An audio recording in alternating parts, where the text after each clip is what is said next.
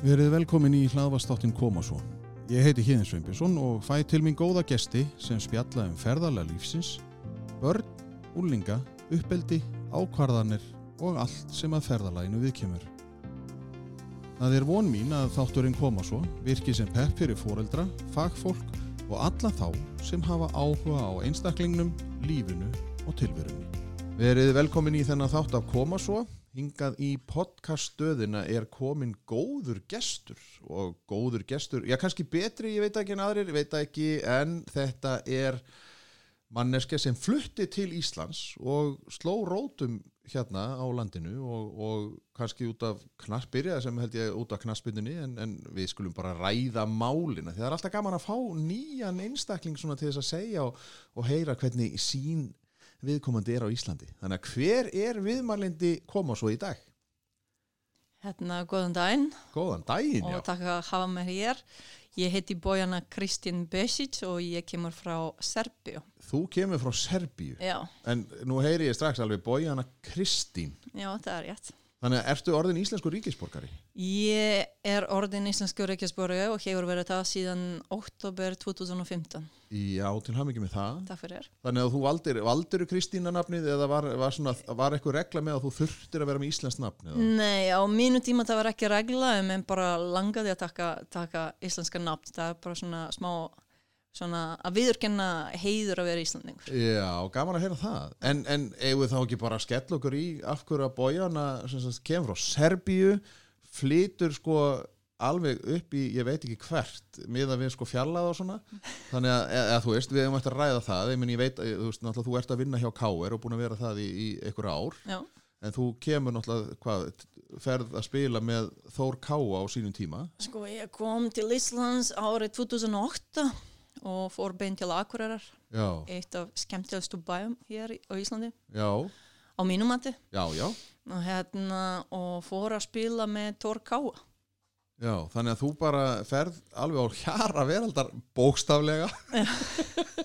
Ekki það Akureyri í augum margra er náttúrulega bara eindislegur eindislegur bær. Já, ég fór bara þarna, það voru margir að segja að það er bara svona, hver sem segja bara uh, norðanpart á Íslandi og mikið kulda og tungvetur og allt þetta, ég upplifði aldrei þetta. Nei, nei, Hérna, ég fór eftir fótbolta sem sagt og þetta var gott lið og mér var tilkynn frá umbúðsmanni að þetta var bara svona mjög gott lið og þú veist hérna með metnaða fólki og mér fannst bara svona áhuga samt að fara þarna. Já, tók ákvörðun, fór 2008 april, tók eitt tímabil með þeim og það var mér búið að að hjálfa hjá þeim yngrum flokkum og halda áfram að spila og bara tímabilið 2008 gekk vel þannig að tók ákvörðun bara að halda með hans lengra og það fór bara ár eftir ár eftir ár og, og, svona, svo, og, svona núna, bara endast annað. já, og núna ertu bara Bójana Kristín Já, þannig að það er þú bara hann íslensku ríkisborgari Já. þannig að það er bara gott fyrir okkur. En, en við skulum nú aðeins samt veist, núna er, það er svo forvitinlegt að heyra því að núna kemur hann náttúrulega frá Serbíu. Já, og það er, þú veist, hvernig sko, hver, hvað er maður gammal þegar maður byrjar að í þessum þætti þá svona erum við aðeins að skoða sko sögu fólks ok. svona aðeins svona, hist, svona Já, sög, þú veist að hvernig var skólagangan og svona hvað, hvað drauma þú varst með og svona hvað þú stemdir að ég meina, ég hlýt að gera ráð fyrir að þú sért eitthvað íþróttatengt af því að þú vinnur hjá, vinnur hjá KR ha? þannig að hvernig var, veist, hvenær byrjar maður í skóla til dæmis í Serbíu, er það sama, er maður sex ára eða yngri? Uh, ég held þeir eru búin að breyta eitthvað núna Já, er lengi sem ég hérna, ég fór frá Serbíu þegar ég var 21 já, hérna það er búin að hlýtur að vera búin að breyta einhverju þannig en þegar ég var ung þá var skóli að byrja hérna þegar maður sjú ára. Sjö það byrja já. grunnskóla. Og ég fór ekki mikið í leikskóla því að bara mamma var heima og hún var að passa okkur þannig ég var bara meira svona heima já, hjá, hjá mammu með bróður minnu og hérna pappi var alltaf að vinna þannig pappi var lítið heima og hérna og við varum hjá mammu þannig ég fór ekki í leikskóla en fór eitthvað lítið. En var bara heima og svo fór ég í grunnskóla en ég byrjaði með grunnskóla fyrr. Ég byrjaði þegar ég var 6 ára þá ég fór, ég fór í rauninni með hérna árgangu 79 í skóla. Ég er, ég er 80 móðil já en byrju, þegar, þegar þú segir að þú ert fætt 1980 já, þá þýðir að það að þú ert, þetta er 86 þegar hún ferði í skólan já, já en er þá ekki nafnið á landinu annað heldur en það er í dag? já, Var það ekki þá hérna Júgoslavia? já, það er Júgoslója þá Já, þannig að þú ert, þannig að þú ert í rauninni bara í, þá er ennþá bara svona kommunismin, sem sagt, þá er þetta bara svona Austur-Evrópa versus Vestur- Vestur-Evrópa og eitthvað svona Rússland og hverjir eru þarna og hinum megin, þú hefur náttúrulega væntalega ekkert pælt í því. Sko ég hef ekki bælt í því. Ekki einu og núna þegar þú segja um þetta. Maður einhver, einhver meginn bara að búa við þessu sko, er ekki Já. að bæla mikið að þannig sé En, en, en hvernig var þá þegar þú byrjar í skólanum sex ára, ég meina var, var veist, er, er, eru þá, þá í Júgoslæfja, það hlýtur að breytast á einhver starf á leiðinni, en var, var, var stránt, máttu þið segja eitthvað, þú veist, hvernig upplifur það sko eins og þegar kemur hinga til Íslands og svo ferð að þjálfa, veist, varstu þá bara, nei, nei, nei, nei, Íslendingar eru bara, það er engin ægi, eða þú veist, voru þið flengd eða gerðu þið eitthvað ekki rétt, eða sko hvernig var að vera í skóla, var, var stráng, kennarnir strángir eða var svona, var maður óttastleg, skilur hvað við, er Já, svona, ég skil hvað þú menna. Hérna, í rauninni er bara menning þarna í Serbi og við erum bara með meiri agi en hér. Og ég held að það er ekki neitt með að gerast með kommunist eða neitt þannig að við þetta er bara allt svona Balkanland og já, held ég bara svona Eastern Europe sem Já. eru svolítið með agi og, veist, og virðingu fyrir eldri, fyrir veist, fólki sem erum að vinna með, sem eru að fara í skóla, veist, þetta er svona öðruvísi menning já, og þú veist, þegar þú segir núna ég bara ok, þegar ég var í skólanum það var Jugoslavia og til dæmis munurinn núna, ég er með frængu frænda sem er í skólanum, þú veist, frændi sem er í, hérna var að rétt að klára grunnskóla og til dæmis hann er ekki að læra kroatísku eða slovensku ef það kalla þannig, Já, þú veist, já, frá. Slovenju eða makedonsku en þegar ég var í grunnskólanum þá við törti að læra öll þessi tungumál. Já, semst allra þjóða brotana í rauninni sem að gerðu Júgoslavi. já, að við það var ekki jugoslovenska tungumál, það var kallið serb, serbokrotiska tungumáli Já, já, og við serbar við erum með svona já, sem við notum þegar við skrifum þú veist, og, og hérna og kroatir og slovena fólk eru bara, þú veist, með latin alfabet þannig að þetta er munur, þannig að við þurftum að læra báði sko. já, og hérna og slovenska fólk eru bara með smá öðruvissi tungumáli en við þannig ef þú læra þetta ekki það er bara smá erfitt að skila þeim. Við skilum hvort aðra Já, en já, þú veist, það er bara smá erfiðara. En er þetta þá bara svona eins og þú veist, Já, já, er að- já, maður bara svona fer yfir hæðina þá bara Já, komið svona, býtu hvað hljóða þetta? Já, ok, þetta er þetta en, en hvernig gekk er þá í skóla? Þú veist, var bara varstu bara, hvernig er skólakerfið eða þegar þú varst náttúrulega? Hvernig var það þá þegar þú varst sko? Í rauninni, í rauninni þú fer 8 ára grunnskóla já, og svo hérna er 34 ár hérna uh, men- menntaskóli? Á menturskóla, framhaldsskóla og svo er að fara í háskóla eftir það. Já, svo sem ákveða að fara í, í hérna í háskóla. Já, í rauninni maður getur byrjað að vinna e strax eftir mentaskólanum uh, án að fara í háskóla. Já, uh, að þetta er hægt að fara þú veist í svona sér uh, í innskólan eða læra Eða skóla að ra- læra já, bara, veist, að og- eða já, eitthvað svona, já, já, bara svona eins og er í heiminum sko. mismunandi þannig þú getur bara að ráða sig strax í hvað viltu fara að gera.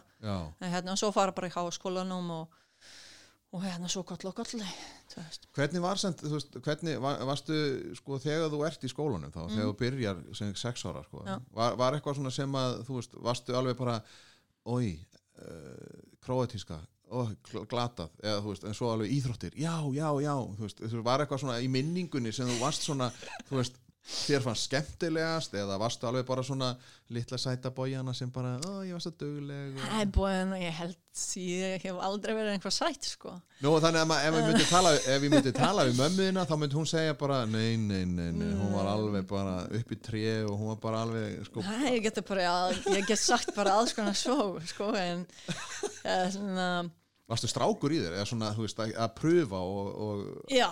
svona Já. eh, æslast Uh, ég var ekki einhvað æst, ég er bara rólegt. Já. ég hef alltaf verið svona rólegt en samt með rosalega short temper.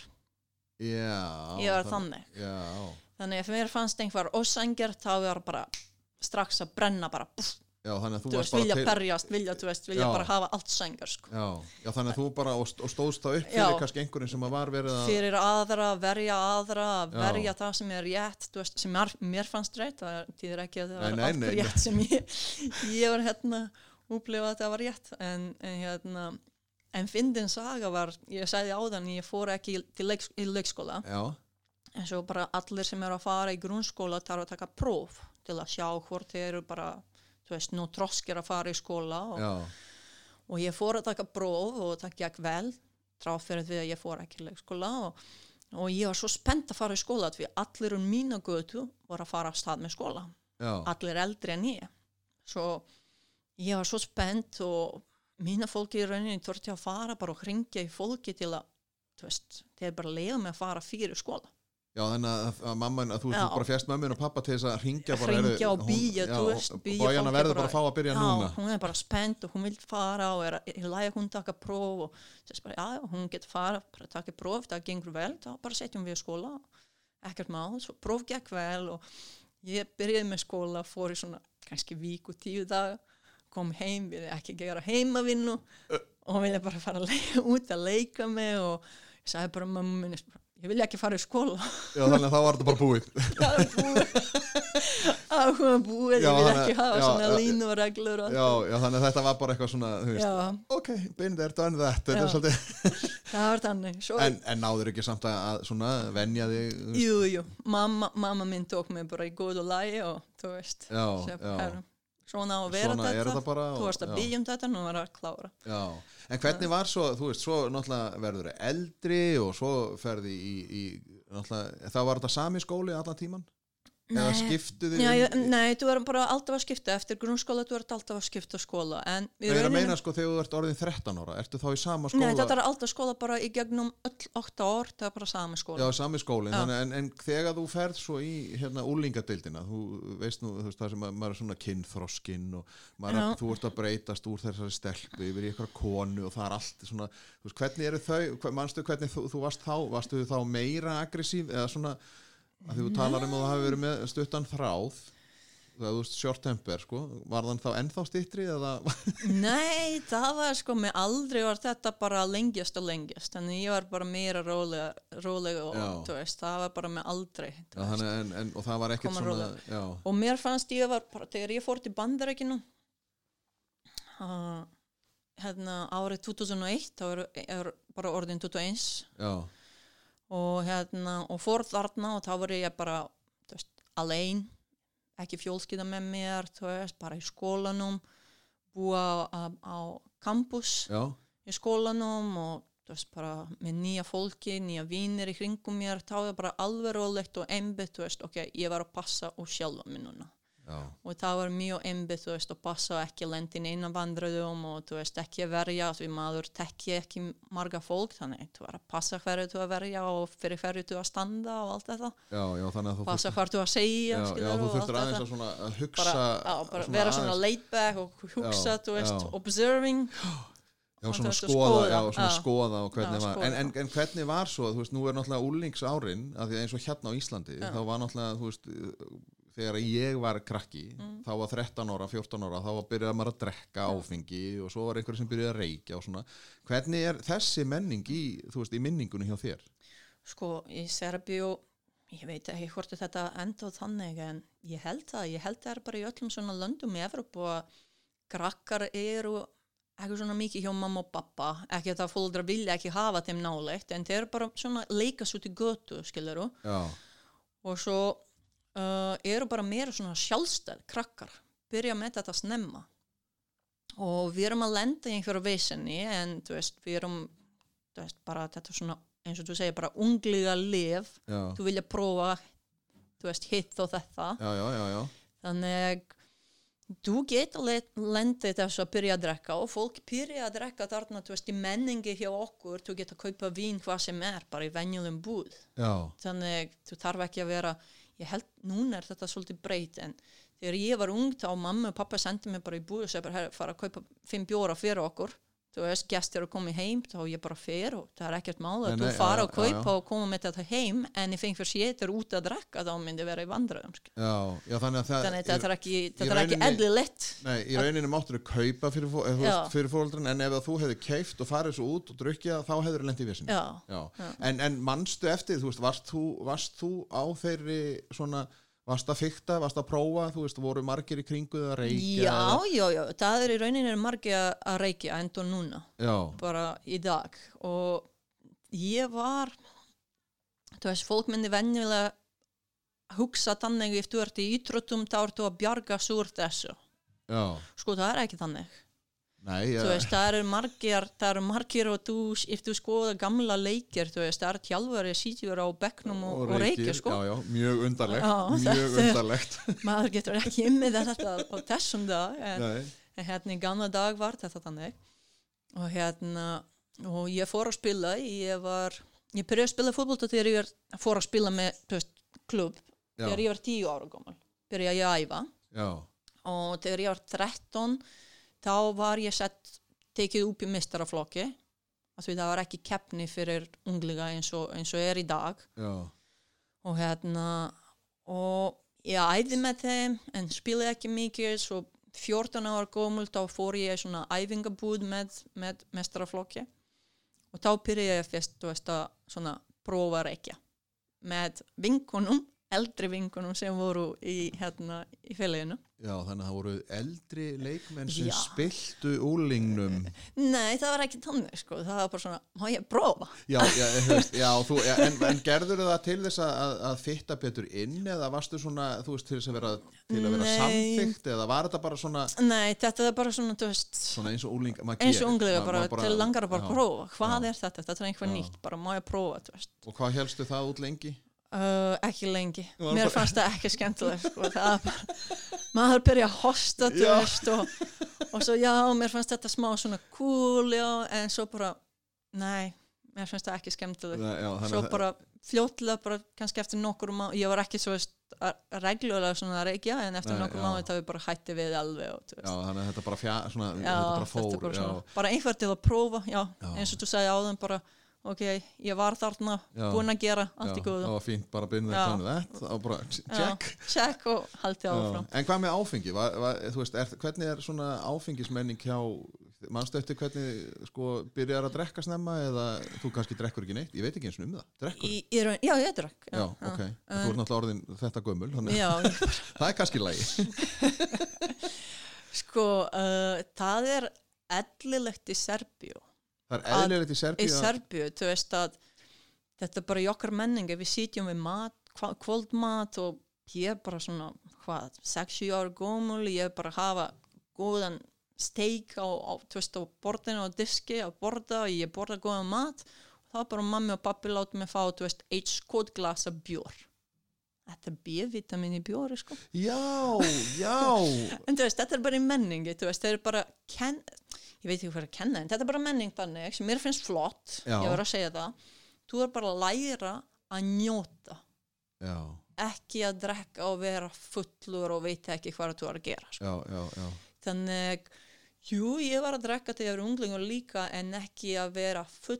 Ég var bara, þú veist fá nokkra bjóra, það var einhver partí á kannski feng eins og mikið en það var ekki reglulega. Nei. þannig ég lendi aldrei í neinum bandurum með það sko. En finnst þér þá kannski að því að þú ert komið til Íslands og við erum svolítið hörð gagvart þessu, gagvart unga fólkin okkar. Já. Hvernig finnst þér þá þetta sko, náttúrulega þegar þú ert, þegar þú horfið tilbaka þú veist að því þú ert náttúrulega í íþróttunum, þú ert Já. fótboltaþjálfari og, og svona með bakgrunn í íþróttunum Mhm.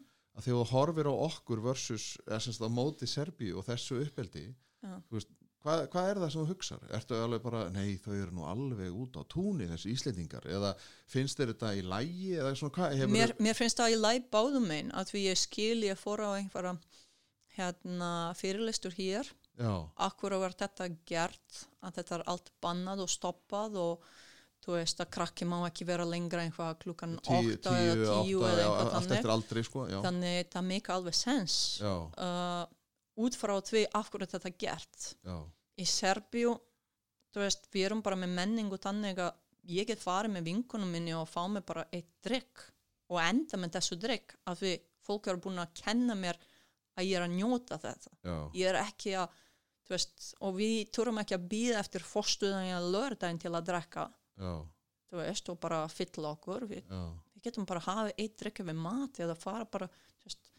þú fara í sumari 40 graður plus, þú er bara að brenna úr sólinni það er bara gott að hafa einn kalda sko.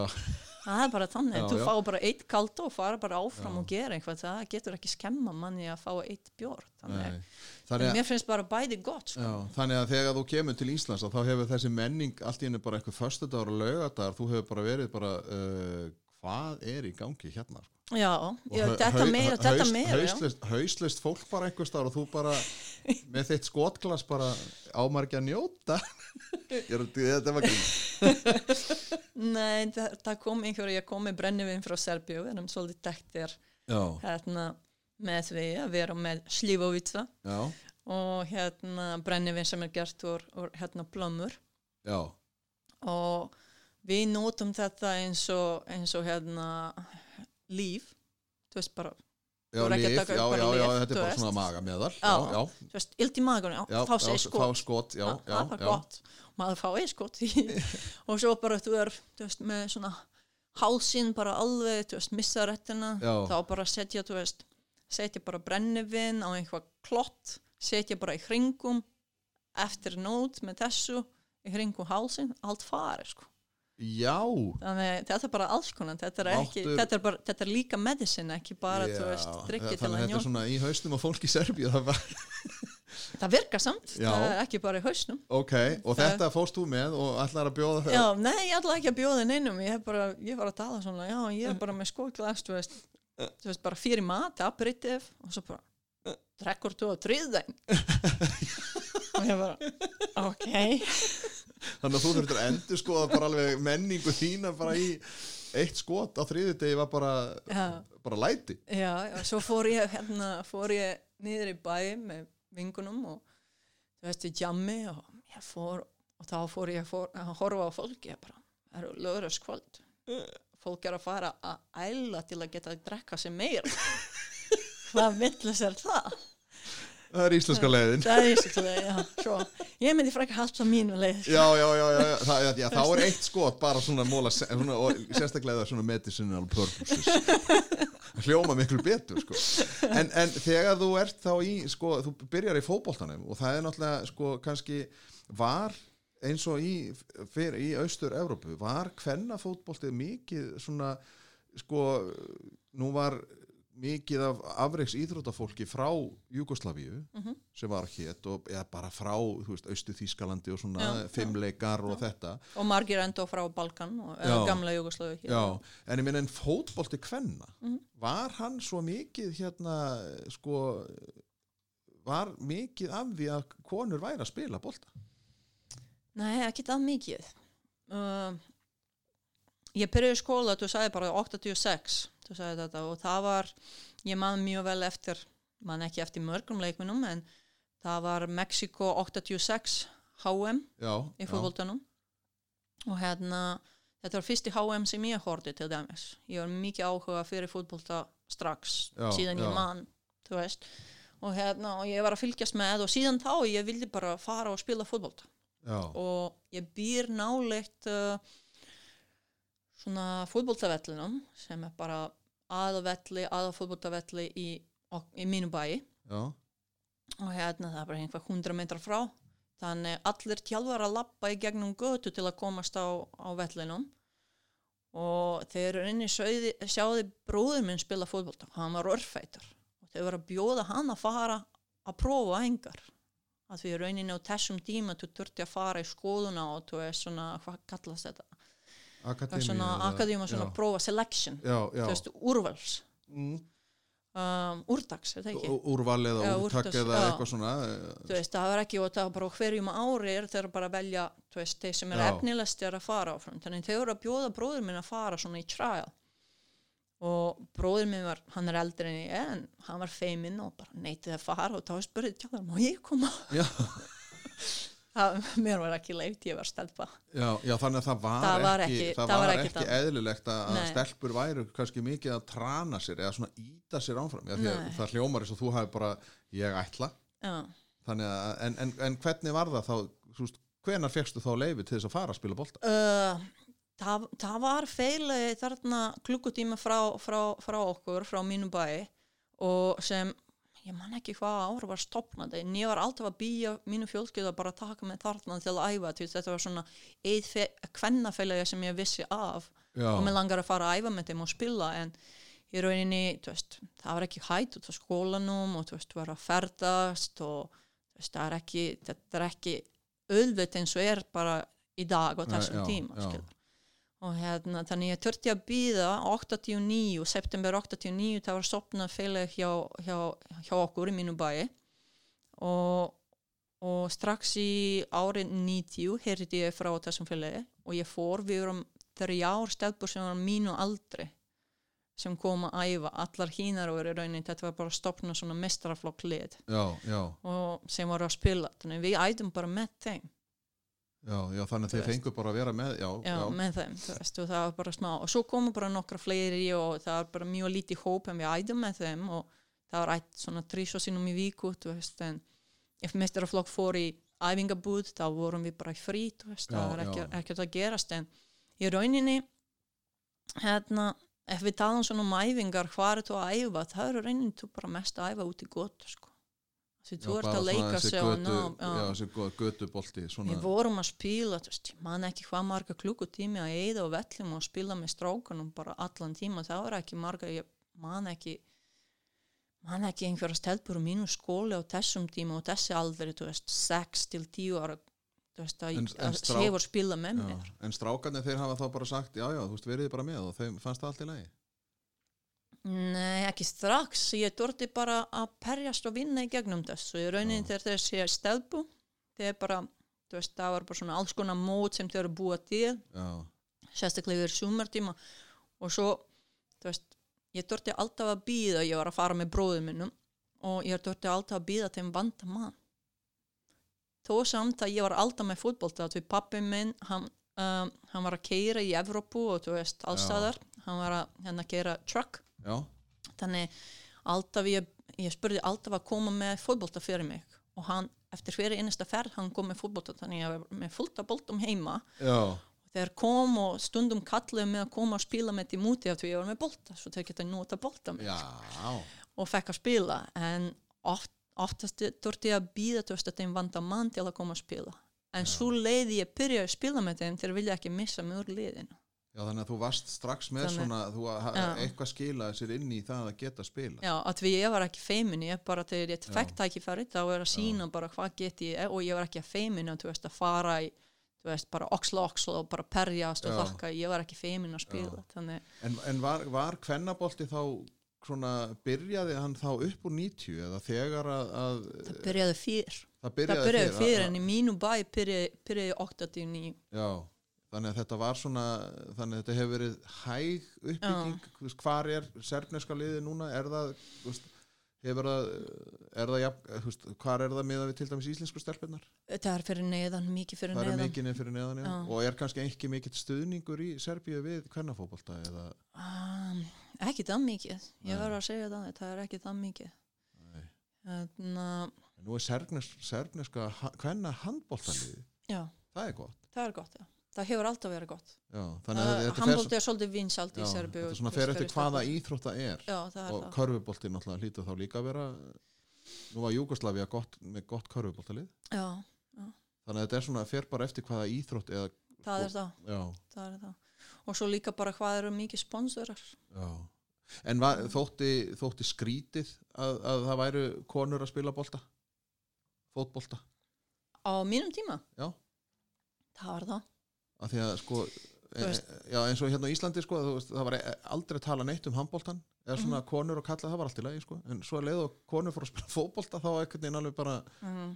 já, hlýtur að vera lesbísk veist, þetta, var, þetta er svona var þetta þannig? já, í, Ser í Serbíu var ekki þannig en í Serbíu þú veist að segja bara herru, þú á ekki heima hér þú er bara heim fyrir karla sko. já, þú á bara heima í eldhúsinu já, já, og, og ég man bara mjög vel ég byrjaði að spila, ég spilaði smá með landsliðinu júgoslanska landsliðinu. Og, og svo spilaði fyrir landslið af Serbia og Montenegro. Ég spilaði með mörg land. Já, nei, ég er að tjóka sko. Bara, bara breyti nafn á landinu já, já, já, já. en, uh, en ég spilaði í U18 kallaði þá. Var árið 98 þá ég spilaði hérna með landslið og, og hérna og ég man mjög vel eftir uh, eftir ég fekk bara meit, meistli í, í leiknum á móti Ítalíu þá kom bróður myndi minn og sagði þú er bara að hætta við þessu. Það er stór hættulegt hvað ætlaðu þú að gera? Það bara, Uh, bara farðu frá mér sko, ég ætla bara að jafna mig að fara að spila. Það er ekki annað í bóði fyrir Já. mig að spila já. En var þetta þá, var hann þá þar að því að þú varst að spila fótbolta? Þú veist, hefði hann sagt þetta eða hefði verið að spila handbolta eða hvar, Nei, ég held, ég held bara, þú veist, það var ekki mikið fótbolti, ekki, nei, bara ekki heiminu, þú veist, það var ekki svona mikið heyrt um, um, um hvenna fótbolta. já, Og hann var orðlega hrættur við að ég er bara að gefa allt mitt tíma og forna öllu og mun ekki hafa neitt í staðin, já, sko, já, já, já, eða neitt tilbaka. já, Ég held þetta veru mestar áhugur af því hann var mjög stoltur að ég spila fyrir landslið skilur og Já, já, allt já. þetta. En og bara hann var bara hrættur að ég myndi bara eigða öll mitt tíma í ekkert. Já, já, þannig að þetta yrði bara einhver Já, svona draumur sem að myndi aldrei gerast neitt. Já, En, en, en hvernig er, ok, nú ertu komin í átján og þú spilar bolta og svo ferði í mentaskóla, var eitthvað ákveðin lína svona sem þú valdir í menta, var það íþróttir eða ég verð ég verð að viðurkenna uh, og þetta er svolítið munur í dag sem er kannski núna orðin í dag þegar ég er tjálfari uh, ég er hugsa um þessu og, og væri fint að koma, að koma með einhverja jafnvæðis inn í þessu því uh, á mínu tíma það voru ídróttamenn ég held almennt ídróttamenn forna skóla til að ná að koma sig í átvinnum sko Já, og þú getur að heyra bara mörg, marga sögu skilur, þú er bara vilja fara í átvinnumennsku, ég ætla bara að búa pening af því að spila fútbolta eða gera þetta og þetta og þetta og svona var mín hugsun. Ég vilja bara gefa allt í fútbolta og æfa, þú veist ekki bara æft ég veit ekki, tíu klukkutíma á dag. Já, bara vakna klukkan fjóri nót og bara fara að spila, bara ekkert maður, bara gefa allt bara til að æfa og spila fútbolt skóli var bara nummer 2-3 hjá mér sko. Já, ég var að ganga í þessu bara til að klára þú veist, og hafa papir að ég búið með skóla en ég var ekki með mikið ég viðurkenna þetta, ég var ekki með mikið þú veist, áhuga fyrir skóla. Já, ekki fyrir náminu Nei, já, ekki já. fyrir námið, þú veist, ég bara, ok, ég mig bara, ég er búið með fótbolta þá ég ætla að fara að læra og veist, og bara fara að finna með vinnu Já, en, uh, hérna, en orðin er þetta í dag öðruvísi, bara Já. núna eru stelpur að pæla rosalega mikið í því að fara að klára nám og eru að hætta snemma sérstaklega sé ég þetta hérna á Íslandi þeir hætta snemma með fútbolta og eru að einbytta svo mikið á skólanum og hrætar að þær myndi missa skóla og hérna og eru ekki að fara alla leið með fútbolta eða veist já, ídrott já, já. og mér finnst það er bara gott að taka eitthvað til að bara fá bara jafnvæði inn í þessu veist, þetta eru bæði þú geta ná báðum sko. Og, og ég segi bara veist, þegar ég var í skólanum það var svona uh, ef þú þarf að taka æfingaferð með með fótboltanum það var bara tjálfari og þeir um klubbur að bara skrifa blad, þú tekur bara blad í skólan og þeir bara leifa þér að fara, veist, Já. það er ekkert mál þannig þú þurfti bara að passa upp á það að þú er að ná engun í skólanum og klára, veist, það var ekkert mál að missa skólanum, já. þú veist, Já, og þú þurfti bara að ná lámarsengun já, já, og svo var ekki, þú veist, hjá okkur var ekki þannig að, þú veist, ef þú er góð í ídrottum þá bara fer tjálfari eða einhver úr klubbin og tala með kennarann og þeir bara, ok, hérna er bara, þú er búin að fara í gegnum, þú veist, bara gefa þér engum bara svona past, já, ok, já, já. En, en, en þegar þú ert þá í mentaskóla Já, þannig að þá ertu bara á fulli fullu og þú bara svona rétt bara fer bara gegnum mentaskólan svona, svona til hliðar eins og þú segir nummið Já, tvö. já. þannig að, en, en hvað er það þá sko, alltaf hlýtur að hafa verið sérstakt á þessum tíma því það Mhm. var ekkit kvennabolti var ekkert hátt skrifaður samt. Nei, voru komnar sko atvinnu deildir fyrir konur í Evrópu. Já, það er komið hérna í bandaríkjunu eða það sem ég hef heyrt á Já, þessum tíma. en Þískaland var, var í Þískalandi jú það var einhver deild þar. Já, en samt ég var ekki, ég er ekki búin allavega í, í Serbíu, ég heyrði ekki mikið um, um þú veist, diska átvinnum sko, á þessum tíma. Og svo tala um til- tilbaka, þú veist, 98, þá var ég bara, þú veist, í mentaskólanum og, og hérna, og svo bara hugsa, þú veist, svona hlutina og bara, með langar bara að fara, þú veist, út og spilaði með landsliðinu og, og þá kom eitt, uh, ég var, ég var að dæma líka, þannig að ég tekki bara svona tjálfara sem eru í karlaboltanum. Og, og það kom eitt tjálfari sem var í karlaboltanum og sæði mér, herðu, þú getur farið í háskóla á styrk. Þess að bara, veitur nú ha, þú getur bara neitt fútbolta að fá bara skólastyrk og fara í háskólan þess að bara, "Mig langar ekki að hérna, læra, þú langar að spila fútbol hann sagði, já. En eftir að þú klára tvo ár í háskólanum þú fá leiði ef þið er búið að fara að spila átvinnumönsku í bandaríkinu, þú mátt gera það. Og þá kom bara bingo, ég er til. Bara peran bara kom, ég er til þetta ég vil bara læra og gera allt en það, já, þannig að þá kemur þetta. Þá er það orsökin fyrir því að þú fer til bandarækjana hvað 2000 og ég fór uh, árið 2001 og þá var hérna þá kom svolítið tím, tímabili hjá okkur. Þú veist að byrja að tala um þetta 98 og svo ég bara ok, byrja að vinna inn í þessu. Og árið 99 þá hérna þá kom hérna meira talað um þetta ég bara byrja að sapna veist hvað ég þarf til að fara til bandaríkinu og vinna bara í öllum þessum og æfði og fullu og þú veist og, og hérna og frendi minn kom, hann, hann er hérna, hann bjóða þessum tíma í bandaríkjunum hann kom bara með svona hugmynd að hann taka mér yfir til hans til bandaríkjunu og ég get fara bara svona í prófun já, prófa fyrir einhverja háskóla og bara reyna að ná styrk. Og það kemur 24. mars. Ég ætlaði að fara til bandaríkinu þú veist það var bara plan þá að 90 byrja 99 99 já, og hérna það var svona mars tím, tímabili eitthvað þannig. Ég var að byrja að sapna veist, papir sem ég törti til að fá veist, hvað heitir það, dvaðaleg Já, vísa já. til að fara til bandaríkinu skoðun og allt þetta og ég var bara svona spennt 24. mars það bara allt stoppað að við það byrja sprengjur sko. þá NATO byrja bara að setja sprengju á Serbi og byrja stríð já það ég sé bara, ok, engi má raunin, þú getur ekki fara úr landi sko. Já, þannig að stoppað. bara einangraðist þarna, Já. akkurat þegar þú varst á leiðinni til Já, bandarækjana það, það var þannig sko. Þannig að þú bara, og, og hvað svo? Ég meina, hva, hvað setti stoppaði þetta lengi, eða þú veist, hvað var þetta nú man ég ekki hvernig, hvað þetta stóð lengi var, það var bara einhver náleitt minni með einhverju 80 daga einhver þannig.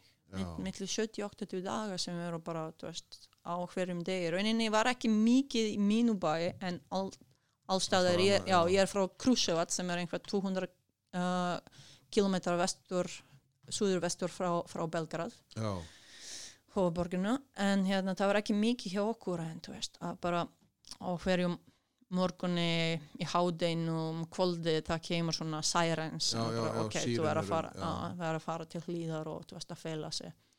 Ég, eins og ég segi það var ekki mikið í mínu bæ þannig ég bara var ekki svolítið hrætt og ég bara er, held með þessu bara. Ég ætla að fara bara út og æfa og gera þetta. Ég meni það var allt stoppað, það var ekki skóli eða neitt annað, og hérna ja, þú veist, fólk voru að fara í vinnu og veist, eftir nokkur dag að bara reyna að búa til bara, venjulega maður Já. getur ekki að stoppa að að lifa, já, já, veist að lífið, bara- lífið þurfti að halda áfram já, þannig, veist, við erum að gera og ég bara var að nota svolítið mikið tíma að æfa. Svo þegar þetta hætti þá fórum við hérna í landsliðbúðir og ég var bara í geggjara formi, fór þarna. En svo meiði mér þar og sliti, sliti krossband. Nei. Þannig að draumin er bara að stoppa sko. þannig að það er bara einhvern veginn svona 99 er bara árið sem er bara svona Já, bara anno, anno horribilis. Það var svona, herru, ein, einhver, veist, sem drúga bara á veist, og ég gerði það, það var bara, herru, það var bara hann að segja, herru, stoppa, þú er bara að skoða hlutina og eins betur. slaka aðeins á já. Veist, og hvað hva, hva, gerir maður þá? Þú veist, nú hefur verið, þú veist, það bara heyrist á þér, þú bara ég ætla að verða já, atvinnumæður í fótbolta. Og hvað gerður þau þá, sko, þetta hlýtur að verið rosalegt áfall fyrir því það var mikið áfall og ég var að brotna alveg. Ég viður gennum það, ég bara vildi ekki heyra um fútbolta, ég, þú veist, þú ert að leggja allt inn í þessu og svo bara, já, þá fá bara, bara beint í andlita, sko. bara daginn eftir þá bara getur ekki neitt eða Nei, þá bara búið bara, bara allt er búið og svo, þú veist, í rauninni í dag, íþróttamenn er að koma, þú veist, fljótara tilbaka frá svona meislum en þegar þú er ekki átvinnumenn og þú veist, það tekur allt og langt tíma til að koma tilbaka, fyrst og fremst að ná lækni, þú fara til læknis og lækni sagði, herru, þú er bara að hætta með fótbolta, sko. Já, var það bara sagt við þig? það er bara sagt við mig, er ekki fyrir stelpur, hætta við fótbolta, sko, þú er bara að halda áfram, þú er bara, þú veist, eigast börn og þú veist, já, bara, bara að vera mamma, þú veist, já, já, bara, þú veist, verður bara Hætt, já, já, svona var það þessi bara, ha? svo hringdi ég landslið hennar doktori og hann var að retta þú veist, hin, hinnalækni og hún fór í aðgerð og hann var að hjálpa mig svolítið mikið í, í gegnum þessu og, og ég verður bara að segja að mamma mín var, hún var bara með rosalega mikið stuðningu sko, í, þessum, í þessum tíma. Hún sagði bara, þú er alltaf að segja ég alla en það er ekki, það fer ekki alltaf eftir plani, þú er Nei, að já. skila það. Þú er að perjast. Já, þú veist, það er smá brekka, þú fari yfir þessu brekku og ef þú vilja og langar að gera eitthvað, þú ætla bara að fara yfir þessu brekku og halda áfram með vinnu, þú veist, koma bara yfir þessu. Og hún var bara þannig, þú veist, að koma í hausnum hjá mér á öðruvísi leið í staðan að bara segja, já, þetta er allt í lagi, elsku minn, þú veist, það er bara allt í Já. lagi nei, hún var bara, já, hún var að kenna veist, þér bara að maður- kenna við- mér bara, já, veist, er bara eða, eða er lífið er já, bara erfið, Já. skilur, og stundum og þá bara maður að perjast og halda áfram og bara breyta plönum breyta og, plönum, og já. bara kemur svona já, já. þannig að ég, ég fekk þetta í andletinni ég kom tilbaka og svo 2000 árið 2000 þú veist var bara, fekk annan aðgerð eftir að ég kom tilbaka og setti mig fór mig kom annan aðgerð á hindfótin nei, og, og já, líka krossbandið? Nei það var hérna, hvað heitir þetta? Meniskus, lító já, liðtóin, já, já, já Það, var, það var þannig sko. Það er nú stittra Og svo- líka þegar þetta er stýtrað en samt eins og segja á þessum tíma er þetta bara aftur bara allt og lengi sérstaklega og- þú vilja gera eitthvað. Já, þannig að þá hefur þau kannski verið með þannig ég fór að hugsa hvort þetta er í alvöru fyrir mig. Já og, en, og þi, þú hefur samt náð þá ég meina, kom mamma inn aftur sterk inn eða? Já, já, hún gerir það. Hún hefur alltaf verið hérna, stuðningsmaður minn í, í, í svona að perjast með já, Pappi, hann var bara meira svona, þú veist, bara, já, allt í lagi, þú veist, sjá bara þessi leikmennur, sjá þessi leikmennur, þetta er bara hluti af þessu, það verður allt í lagi, en hann var ekki komið í hausnum hjá mér, sko, hann var Nei. stuðning, en þetta er ekki, en samt férstu, samt férstu stuðning frá honum. já, já, já. Finnst það náttúrulega líka já, gott já, að þau þetta hafi er bara verið gott, já, já. En, og hvað varstu þá lengi og hvenar nærði þá loksins að fara til bandarækjana Sko, í prófið? Eða þú veist í svona úrtak? Það var, það var þannig gerð sko. Ég kom eftir setni meisli og setni aðgerð, ég kom og haldi áfram að spila og svo uh, eins og sagði áðan ég var dómari, fótboltadómari og mér gekk vel í þessu hluti líka. Og, og hérna þá ég fór bara að velta fyrir mig að kannski er betra og ég ná meira veist, út úr því að fara að dæma en að spila að því hvenna fútbolt er ekki það stort veist og kannski er bara þetta ekki nóg gott fyrir mig, ég er alltaf meitt og, og ég ákveði að hætta með fútbolta og hérna og fara að dæma Já, en býtu, hvern dómarar voru heldur ekkert alveg á hverju strái? Nei, en ég, þetta er máli í Serbíu sem er kannski skrítið. Ég Já. sé ekki marga konur hér því miður Já, að dæma og dæma karlabolta það er ekki margar. Kona mín er dómari en, en sko hún, hún elska að fara að, dó, að fara að dæma karlaleiki sko. Veist, en það er ekki margar En var það þá vanin, var það þá bara En í það? Serbíu, ef þú væri góð dömari, þeim skipti engum máli hvort þú er bara kona eða karl, þau er bara þú... fl flautan var náttúrulega alltaf sama, það Já, var bara svona, sama, og það var já, bara Já, dæmt, sko. já, já, ef þú átti karakter að gera þetta, það er bara ekki má. Stund, maður þarf að vera svolítið svona, maður þarf að vera Stundum, já, sterkur. stundum var bara í leikjum þannig, þú veist að þú, byrja á næsta delt og fara í einhver torpi, sko, þarna, eitthvað upp í fjall, sko, þú veist, og, og dæma og það er fólki, og það er bara fólki, hvað, kona, hvað er að gerast, og þú veist, bara, Já, að segja svona alls konar en, en þú veist ef þú ert þannig karakter að taka þetta er veist, það er bara þegar bara svona venja bara ok, og svo bara byrja að bera vertingu fyrir, fyrir því bara sem að því þeir sé að þú er bara góð í þessu. Já. þannig það var aldrei spurning þá hérna, ég var bara góða, góða leið til að fara, þú veist, og, og fara bara alla leið, þú veist, í, hérna, í efstu delt Já, hvernum einn til að byrja með og, og þú veist og ég dæmdi minni með fjórdi delt kartla eða þriði delt kartla einhvern þannig. Já, en það eru margir deltir í já, servi já, þetta er eins og já. öðruvísi en hér. Þannig þetta var svolítið bara svona hálefil já, en, um, en svo breyti plan aftur. Þegar ég ákveði að hætta við fótbolta þá hrindi mér frendi minn Frá sem Bandaríkjunum. Frá bandarækjunum, já. Já. Og sagði við mig það var í- minni mig júni 2001 og sagði við mig herðu, það er eitt skóli sem er með áhuga fyrir þig. Ég er ekki alveg 100% viss að það myndi virka en þeir eru með áhuga fyrir þig og sjáum til hvað gerist. Og svo bara, ok.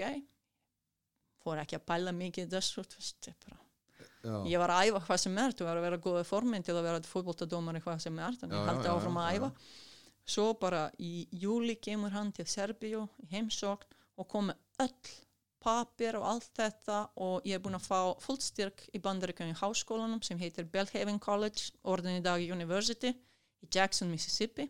Ok, og kom, þannig ég var í, í bandaríkinu í august 2001 þannig að þetta bara gerist bara gerðist 1, 2, 3 og bara 1, 2, 3 og þú bara komin í og fóst að spila fótbolta og þá varst ekki búin að spila bolta í Uh, ég hætti minni með einhvað mæ 2001 einhvað þannig já, þegar þú ferð að dæma já. Já. Já, að þú eiginlega, þetta Já. var ekki svo langur tími nei, þannig að þú varst ekki alveg Nei, nei. En, en, en er þetta ekki alveg stórkostlegt svona að hvernig lífið tekur mann einhvern veginn svona en þessi frændiðin hlýtur nú hafa líka verið alveg bara með já, sko frekar spenntur að, sko, að hjálpa þig já og, og þú veist, hann var bara rosalega ánum með þessu, sérstaklega því hann er ekkert íþróttamaður. Hann kann ekkert um íþrótt. Hann er í politik, hann er í Já. og veist, tungumálum og þú veist, en, en það gerist þannig að hann var með einhverja, einhverja fólki í skólanum þarna. Já, hérna að tulka já, að því hann var að vinna á þessum tíma fyrir State Department þannig hann var með einhverja grúpa fólki þarna í skólanum og hann bara tók video með sér uh, VHS í gamla dags, ég veit ég hvort krakkar í dag vita va- hvað þetta er. vi- Vídeóspólur, bara vaff og hérna og hann bara gaf þarna á tjálfari, te- bara búin að kynna tjálfara og bara gaf honum og tjálfari bara, herru, við viljum fá hann Já, ok, þannig að þú þannig þetta þú Já, þannig að bara í ágúst 2001 ertu komin til bandarækjana og hvað er það þá sem að fer að læra í þessu college? hvað heldur þú? Fótbolta, nei, íþró, íþrótta eitthvað hvað, hvað heitir svona? Hvað heitir svona? Fyrst sem ég sé þetta var bara sports administration já, sem er í rauninni allt sem snýst um íþrótt.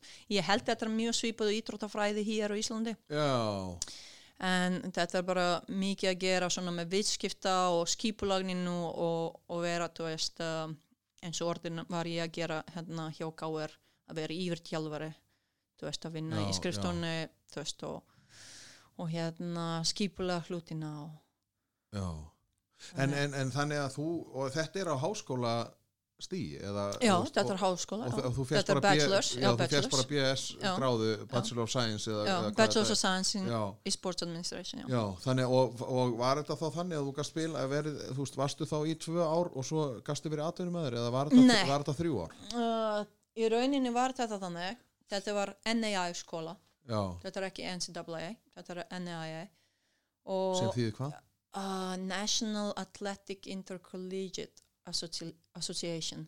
Ok, um, þetta er svona aðeins fyrir neðan það fer eftir eftir svona hvað eru margar í, uh, hérna, neymindur í skólanum bara hvað er start af skólanum og Já. þannig í hvað delt þú er að spila. Þannig Já, þetta já, svona þetta er svona neðri delt þetta er ekki jafn stort og NCAA Division 1 já, hérna, þetta er fyrir, fyrir neðan en til dæmis það er bara skóla, margar skóla sem eru að spila NAIA þau getur verið sterkari í ídróttum en Division 2 eða Division 3 í bandarækjunu skólanum. Já, þannig að þetta er eitthvað svona Það var bara betri prógram. Og, og hvað náður að spila lengi? Uh, ég var þarna hjá þeim frá 2000 og águst 2001 til 2006 en ég, ég meiði með henn og aftur þarna. Uh, slitti crossbanda aftur mann ekki minni mig 2002 Í sömu löp? já, vinstri já. Það var. Já, það var samanlöp, ok, Já. já. Þannig ég meiði mig aftur í leiknum þannig ég þurfti að sitja eitt ár út. En fyrsta árið þegar ég spilaði þá ég átti bara geggjað tímabili og það var geggjað tímabili í skólanum líka. Fórum alla leið á, þú veist bara svona, hvað heitir þetta? Uh, það kallar þetta National Tournament. Já, að fara já, í playoff og Já, alla já, leið. Já, já, já, já, já. Og, og við endaðum að vera nummer 8 í, hérna, í landinu. já. Þannig, og, náttúrulega þetta var fyrsta, þetta, þetta var mjög stort árangur hérna hjá, hjá skólan þetta fyrsta skipti að skóla hefur náð svona árangur og, og hérna þannig þetta var bara frábært frá- frábært að upplifa þetta Já. Þannig að svo meiðistu, svo meiði ég, já en, en heldur alltaf áfram náttúrulega að læra og allt þetta. já, og svo í rauninni þegar ég meiði mig þá ég lærti að það er betra fyrir mig að fara bara og klára skólan Já, þá ertu líka farin að hugsa öðru. Fór ég að hugsa öðruvísi. Já, þá er náttúrulega líka eftir orðin 20 og eitthvað. já, Þú veist, 22, það- já Þá kannum maður að fara að hugsa kannski, Já, það er bara svona en árið 2001 eftir fyrsta tímabili ég fór að spila svona semi-átvinnufotboll já, í leið sem heiti hérna, Charlotte Eagles. Þetta er í Nordur Karolínu. Já, ég fór þarna að, pró, hérna, að spila eitt sumar. Reyndar ég spilaði ekki mikið að því ég var bara nýkomin. Og hérna en ég æfði með þeim á fullu og kom tilbaka í skóla í bara mjög góða formi og allt þetta en fekk svol- svolítið illa tæklingu og sliti crossband.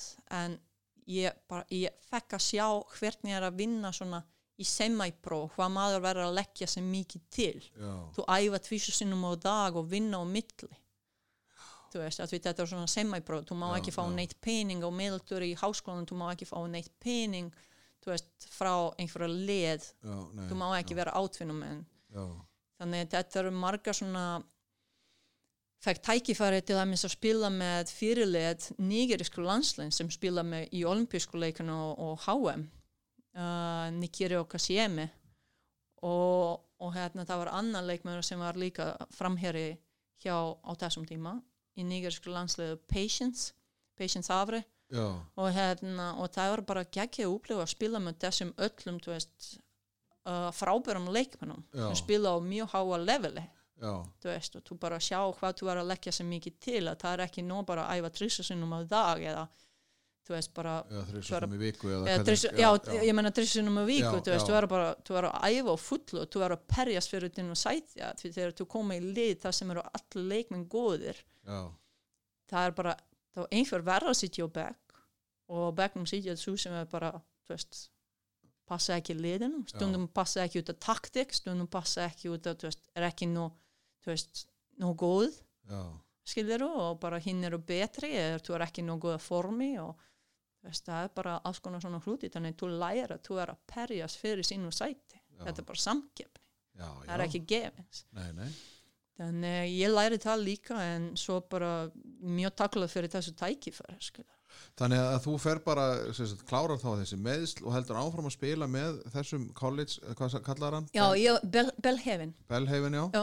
Og þannig að þú bara klárar það til 2006 og hvað Já. gerist þá?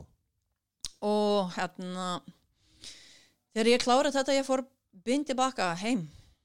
Og Það þú fórst bara- bara, heimi Já, ég fór heim.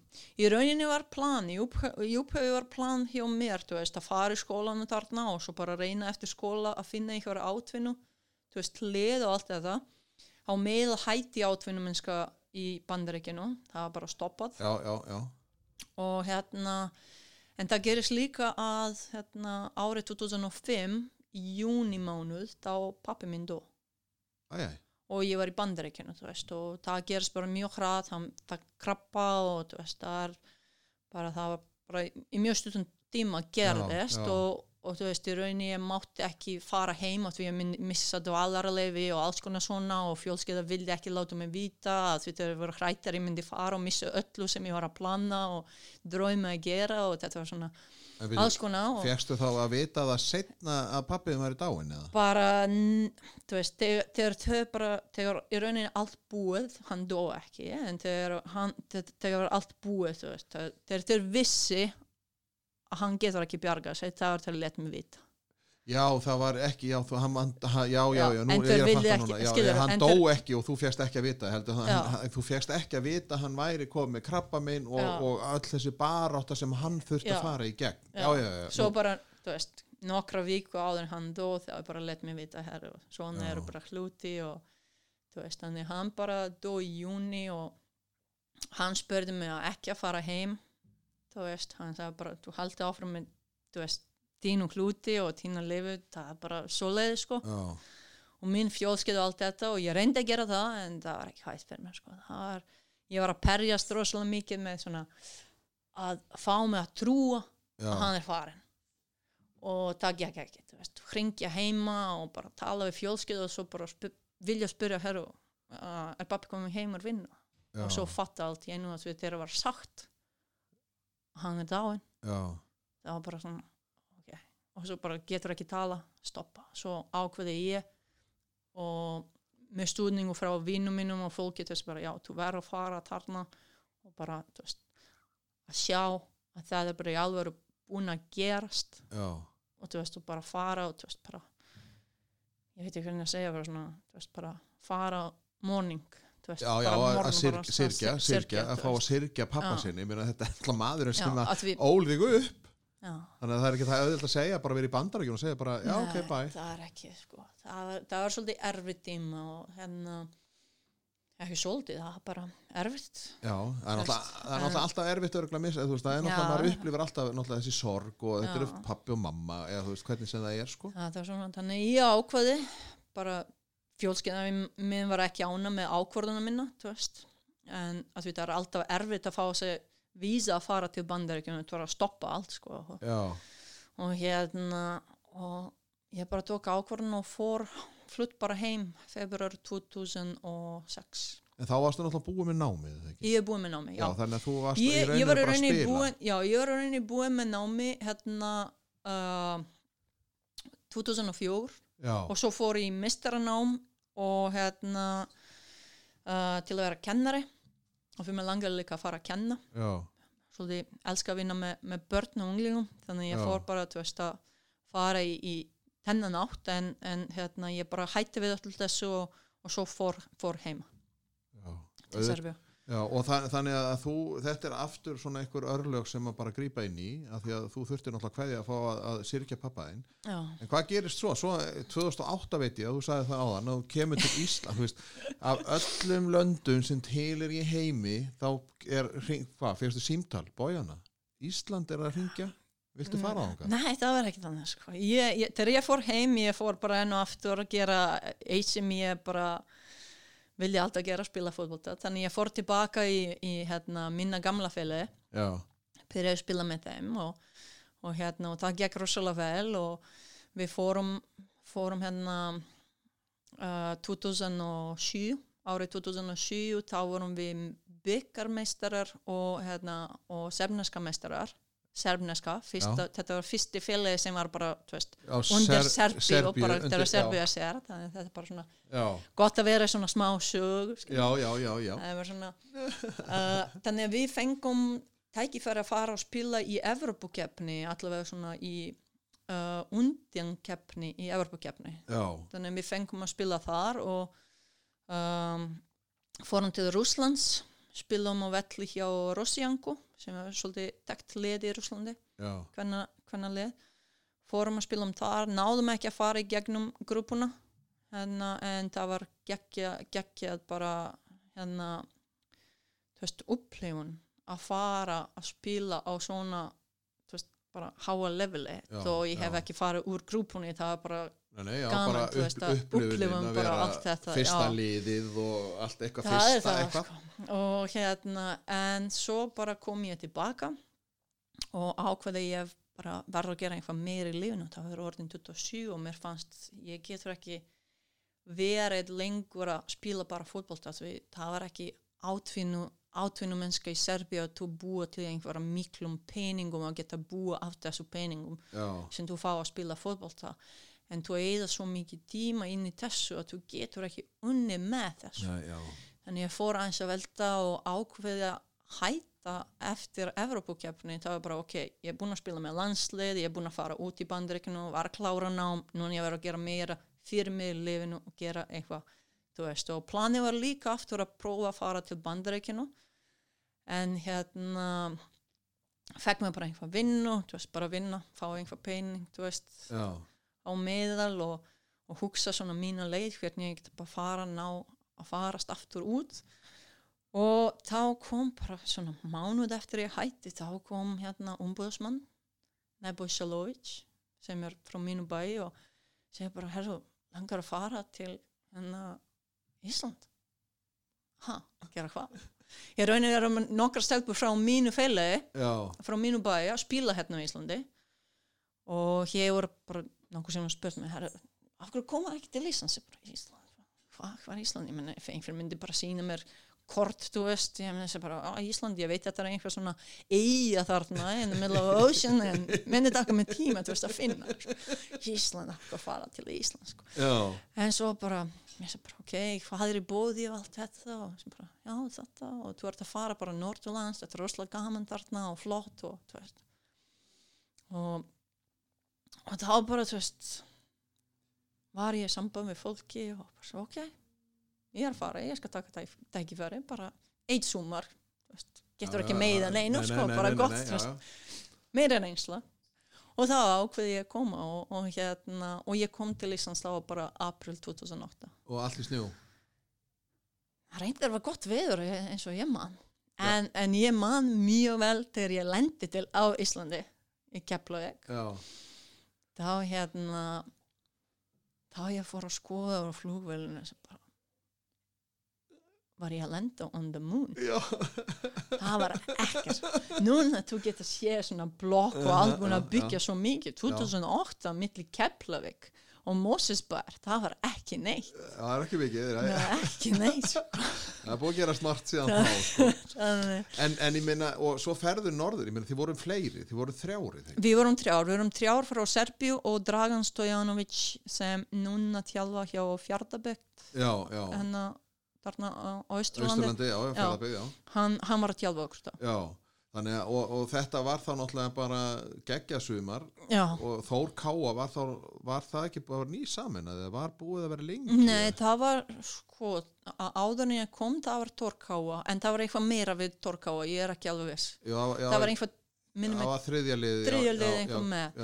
en þegar, þegar ég kom það var bara Torkáa og marga unga leikmenn sem er, end, sem er spila enda og hérna var Rakel Hönnudóttir þá Rakel að- Honundóttir, já, hún var bara unglegur þá, sko. já, En, uh, hva, já, hún var já, já, ég nákvæmlega það það er alveg það er alveg 12 ár síðan Nei, já. Já, þannig að það er, já. hún hefur náttúrulega Hvað er, hún er 8, móðil 88, eða ekki? Já, já, Já, það þannig hvað var það, 2008, 20, Er er það ekki? ekki- 20, Jú, 2008 þá var hún, Já, já, hún 20. tvítu, sko, já, já. 20 þannig. Þannig að það er að, já, já. Já, ekki en- ungling, en bara- En, hún hefur verið svona kettlingur eða Já, kjúklingur. já. Bara, svo Arna Sif og Karino og bara marga, marga aðra, sko. já. Þannig að þetta er svona byrjunin á kannski þegar að káa Þór sko verður, þú veist, þú spilar það þá einhver ár. En, en hvernig fannst þér þá? Varstu þá bara, þú veist, fyrsta sumar, varstu þá bara, já, heyrðu, þetta er svolítið skemmtilegt. Uh, mér fannst mjög skemmtilegt og hópur var frábærur. Já, og, veist, og stemning í hópinu og fólk þarna sem veru í hringum, í hringum liði gert bara allt fyrir lið sko. þannig þetta var svona mjög, mjög skemmtileg, krefjandi en, en bara frá, frábær, frábær sumar sko. þannig að, og svo síðan eru líðin mörg ár. Já, og þú bara eftir þetta fyrsta sumar þá, hvað, hvað hugsaði bójana þá? Bara, heyrðu, þetta er nú kannski bara alveg ágætt eða hver, hvernig orsakast það að þú sem varst búin að vera með þessi plön já sko, og bara endar þú á Íslandi? Plan, plan var í rauninni að koma hér og spila eitt tímabili og svo fara aftur til bandaríkjuna því ég var í bandaríkjunum fimm ár. Já, ok, ég var bara, ég reyndi með mjög marga vinnir þarna og reyndar uh, átt ég hérna hérna kærastu þarna. Já, og við erum bara þú veist, að hugsa að gifta okkur og allt þetta fór bara í burtu og allt í góðu, það er bara að slita allt saman. Það er ekki hægt að vera svona í í fjárbúð? Fjárbúð sko, veitum er ekki það? Nei, Nei, strák, já, ég, ég er að segja það, það já, já, þú ok, ég er já, alltaf að blanda þessu saman sko. var, var hann þá í bandaríkjanum? já, hann var í bandarík, hann er bandarisk Ok, já, þannig að og þá bara slitnar það að því að það er ekki hægt að vera, það er náttúrulega erfitt að Já, vera það er sli- það er rauninni í slitni hérna, þegar ég fór heim til svona eftir já, kannski já, ár einhvern annan. Já, þetta er náttúrulega erfitt er er, erfitt, þetta er já. bara, svona er þetta bara. Já. en, en, og hvað, var- varstu og þá svo, og svo hérna ég var að hugsa, ok, spila eitt tímabil fara til bandaríkinu og bara halda áfram með lífi sko, það sem ég tekki já, svo kemur Nói Björnsson til minn formaðurinn, Torkáfa og segja, herra, okkur leist vel á þér viltu bara halda áfram með eitt tímabili viðbútt og þú veist og þú har búin að standa þessi vel í vinnu hérna hjá krakkanum og okkur leist vel á þér þú getur bara tjálfað yfir vetratíma og, og vera bara, veist, allt árið. Og, og þetta er það sem bara, veist, mér finnst svona skemmtilegt og gott að ég get vera hér í kringum allt árið. Að Já. við margar stefnur sem ég tekki frá minnlandi voru að spila hér veist, yfir sumar og fóru svo heim. Já, ég var þá 28 já. Mér fannst ekki skemmtilegt að koma hérna tíma, veist, fyrir tímabili og fara heim og eigða pening þarna og svo koma tilbaka. Ég vildi fara, fá eitthvað til lengri tíma þú Já. já, svona finna, finna, fara að finna eitthvað svona, eitthvað heimili. Já, já, þannig að þegar hann sagði þetta við mig ok, ég ætla að prófa þessu já, og það gekk vel og veist, það er bara það er ekki marga fólk þarna fyrir, fyrir norðan, þú veist, í kringum í kringum tór og já, meira tór en káa, við erum kenna það að því Já. ég bjóð þarna í torpiðinu já, þannig að þetta var svona bara byrja að læra íslensku og, og hérna með fólki sem ég var að vinna. Og hérna, og það bara þú veist, skref, litlu skref áfram, áfram, áfram, bara endaðist þannig að ég byrja bara að elska að búa í Íslandi sko. já þetta er ger, Þetta gerist bara- eitthvað. Þetta er bara eitthvað, þú veist, og sérst á þetta þarna ég bjó fimm, fimm ár. Já, uh, á Akureyri. Og Akureyri bara, mér finnst rosalega flott stað. Þetta er svona það er ekki stort en ég er ekki sjálf frá stóra bæ. Já, Veist, það er bara 50.000 eitthvað 56.000 sem búa um mínu bæ og hérna hvað eru 18.000 sem búa á Akureyri eitthvað- já, eitthvað 20 þannig. 20 já, Já. 20.000 eitthvað. Og þú veist, en það- veist þetta er lítið bæ, þú veist, þú geta komast allstaðar, geta lappa allstaðar, Já. alltaf náleitt, en samt er bara, þú veist, þú hafa allt sem þú tarf. já, já mann er næjusamur maður svona lætu, það er Já. bara allt ef þú hefur allt, þá, Það- þú ert með bíó og svo ertu með skíðin og þú ert með íþróttahúsinn og það er bara Það er bara allt sem þú tarf, sko. þannig að þú ert í fimm ár fyrir norðan Já, og náðuru að verða Íslandsmeistari ekki sem leikmaður, ekki sem leikmaður ekki sem leikmaður. Ég hætti að spila með, með Torkáa uh, eftir tímabili 2011. Ég æfði með þeim eftir það, en ég ákveði ekki að spila, ég ákveði þá bara að fara í, veist, í tjálfun. Já. Þannig ég tjálfaði þegar þær voru fyrst, í fyrsta sinn svona Íslandsmeistarar þá tjálfaði ég annaflokkur kvenna og fleiri yngri flokkar já, en hérna en ég var á bekknum með þeim að við Jói, Jói sem tjálfaði þeim á þessum tíma og Molly þegar bara spurðum að vera með lið veist, verið þegar- liðsstjórninni, já, já, bara liðstjóri þú veist, að hjálpa til Já. að við bara tekki stelpunar og veist, þannig ég var bara veist, náleitt liðinu og stundum upphittun og þannig en þú veist, það var bara svona gaman að upplifa þetta þannig að þú fegst medalíu Já, ég fekk með Já, þannig að þú getur svona enn eitt. En, en ok, þannig að og svo bara fæ, verður gerist, þá kemur í Reykjavík. Já, er, varstu þá, sko, hvað var það? Varstu þá bara nýtt tilbóð eða varstu þá bara svona, já, ég ætla að fara að prófa eitthvað annað eða hvað dróði til Reykjavíkur? Já, ég fekk nokkur tilbúið á þessu ári. Ári- á- 2013? 2013, ég fekk Já. nokkur tilbúið. Og hérna, eins og segi, tjálfið annað flokkur hvenna hjá Tóri, ég var bara mjög ána með þeim og bara öllu sem voru að gera og allt þetta, en ég fekk tilbúið og mér fannst um, K.R. hringdi í mig og var að bjóða mig, þú veist, yfir tjálfun og tjálfun í yngrum flokkum. já, og þú veist ég lærti að sports administration þannig ég vildi bara tengja minna þú veist, mentun með vinnu og gera meira og bara vinna í trón og mínu ferli og mínu starfi já, já, já. þannig mér fannst þetta bara mjög áhugavert og svo líka áskorun að því þegar ég kom árið 2008 til, uh, til Íslands þá var Káur eitt af bestum liðið landslið Aha. og ég spilaði um veist, frábærum leikmennum og mann mjög vel eftir þessu leiki og mann fyrsta ári ég horti hérna K.R. Valur í byggar úrslutaleik þar sem K.R. vann núna mann ég ekki vel en ég held annarkvort 3 eða 4-0 vann K.R. í byggar úrslutaleik þetta var frábæri leikmenn og frábært lið. En svo einhvert með að þetta bara hverfa. Já, þannig þeir bara döttu úr hérna hvað kallar þetta bara, úr efstu, delt já. Já, fjallu, það er Já, fjallu, það er fjallu. já, bara kynsla á skipti eða Þú veist, og- áhuga leysi eða hvað og svo er bara ekki mikið að gerast í yngrum flokkum og mér fannst þetta bara svona góð áskorun að fara og byggja með þessu fólki veist, að hjálpa þeim að byggja eitthvað aftur upp og, og bara koma káir aftur veist, á hærra leveli já. Þannig þess vegna ég tók við, við þessa vinnu sko. Þannig að þú ert búin að vera í Reykjavík síðan 2013 13. og vera sem yfir, yfirþjálfari og já, svo varstu náttúrulega orðin aðalþjálfari meistaradeildar, eða sem sagt meistarflokks kvenna. Já, og, og uh, svo náttúrulega kannski ekkert að orðleika það meiri menn það gekk ekki og, og þá kom ykkur annar og Já. svona því að þú ert vist á leiðinni norður aftur. Já, það er, það er rétt. Og, og hvað, voru þeir, ringdu þeir bara og sögðu, hei, bójana, komdu heim. Það getum segja þannig. Eða ekki? Þannig að, að, að þú ert bara þetta er, þannig að þú ert bara orðin Íslendingur. Hvenær fyrstu svo íslenska ríkisborgar rétt 2015 þannig að þú ert bara, tekur það hvað er það sem fær bójunu Kristínu, eða bójunu hvað var nú eftirnafnið?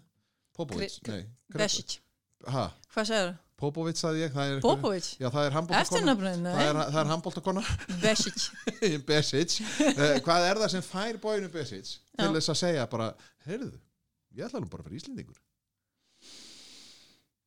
Fúf, Já, ég meina, hvað hugsaður þér? Ég meina, þú veist, mamma þinn er ennþá á lífið, ekki? já, Já, og þú veist, ég meina, og þú hérna einhvers upp á hjara veraldar, og bara, já, ég ætla bara að vera Íslendingur.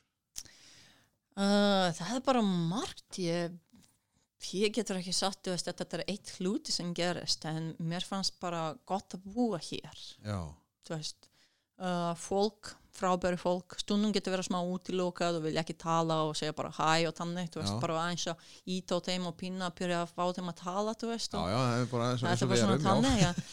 en þú veist, en einhver með mér fannst ekki erfitt að ná til þessa fólki sko. þau eru bara alltaf ópið og ég fekk bara mjög góða tengslu við fólki og reyndar er kannski þetta út af því að ég lærti íslensku ég, ég segi alltaf íslenska minni er ekki frábært þú veist og langar að læra meira og þú veist að byrja að beigja orði betur og Já, já, veist að koma með betri hérna svona meiri orð í Já. mínu orðabóki sko en hérna En það var náttúrulega enginn sem sagði að íslenska væri auðveld. Nei, það er ekki auðvitað, en samt, veist.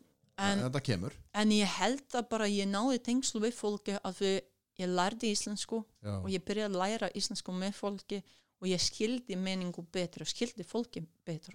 Þú getur ekki, þú, er ekki, þú getur ekki fara í einhver land, tala ekki tungumáli þeirra og hugsa að þú myndi skila þeim og skila meningu. já, já.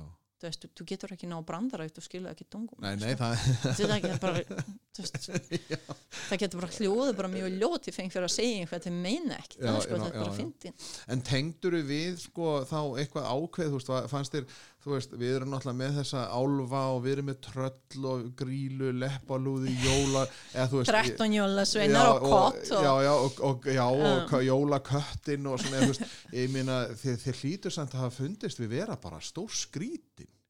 Þú veist, bara, já, nei, við, já, við göturnar eru líka sveigðar svona því að það eru steg, hérna býra álfa, tröll, álfar og svona. Þú veist, ég meina, þetta er, við erum náttúrulega mjög örgulega frábrugðin frá serpum. Eða hvað, finnst þér, erum við bara eins eða? erum við eins? Já. Nei, við erum ekki eins Enga veginn. kannski á einhverju ég veit það ekki uh, sko ég bara verða öllu menningu Já, þú verður, já, það er bara virðingin fyrir menningunni, Já. já. þú veist, þannig þú og þú getur ekki breyta menningu hjá neinu sko. þannig annarkvort menningi passar fyrir manni eða ekki Þannig að þetta er svolítið, er þetta er svolítið svona þegar þú kemur, þú veist, þetta er eins og ég nú bjói í Danmörku í átta ára Já. og mér fannst, veist, ég enga, þetta var ekkert mál, en ég myndi aldrei vera Dani. ok. En ég, já, ég skil af hverju ég nei, ég, þú, veist, ég, þú veist, ég myndi ekki breyta, sko, en þú veist, svo kannski, þetta er svona, upplýður þið bara heima, veist, þetta er svona tilfinningin af, sko, þegar þú kemur, að þú veist, þetta er heimili mitt, já, það er það. Það, er ég svona, meina þegar ég fer ég, ég kalla bara ég, ég kalla heima Serbíu og sjálfsög þetta Já, já. heima mitt, ég er fætt þarna og allt þetta hérna ég fer heim til Serbíu já, en þegar ég er á leiðinni tilbaka til Íslands ég, ég segi bara alltaf ég fer heim til Íslands þetta er heimi mitt sko. Já, þannig að þú ert bara, þú ert bara Íslandi, já, þú hefur bara fundið Já. tengingu við okkur eða sem þjóð eða eitthvað svoleið sem að þú bara, já, mér líka við þetta. já, Já. En, en þá er það kannski, að, svona, við þurfum að fara að rúna af að að það er, þú veist, að, við, þú helst að við myndum ekki tala lengi, að þú hefur ekkert fram að færa. En, en hérna, þá er það þetta, þú nefnir að þú varst með kærasta, en svo sagður áðan kona þín. Þannig að hvað Já. er það, þú veist, hve- hvernig hérna, sko, ekki það að þú veist, ég ætla ekki að fara að grafa neitt, en ég minna, hvar, þú veist, er þetta íslensk kona eða er þetta, sko, hún er, hún er frá Serbíu hún er frá Serbíu? er. Þannig að þú ert bara að fara að flytja inn fólk líka? fleiri Íslandingar Já.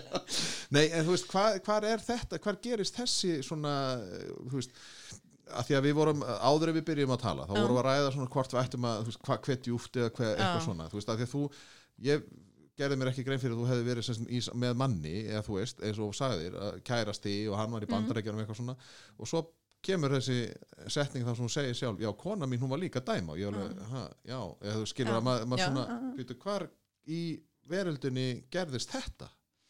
Þú veist, varstu komin hinga til Íslands nei, eða, nei, eða nei. grunaði alltaf að það væri eitthvað svona sem að þú þorðir ekki að því að það mátt ekki Nei, sko, ég aldrei upplýtið þannig, ég meina, þegar ég bjóð bandaríkinu, það voru, þú veist, að stelpur lappa til minn, þú veist, og voru bara, hvernig maður segja, bara hrifin á mig, Já, eða já, hvernig bara skótin í mig eða eitthvað.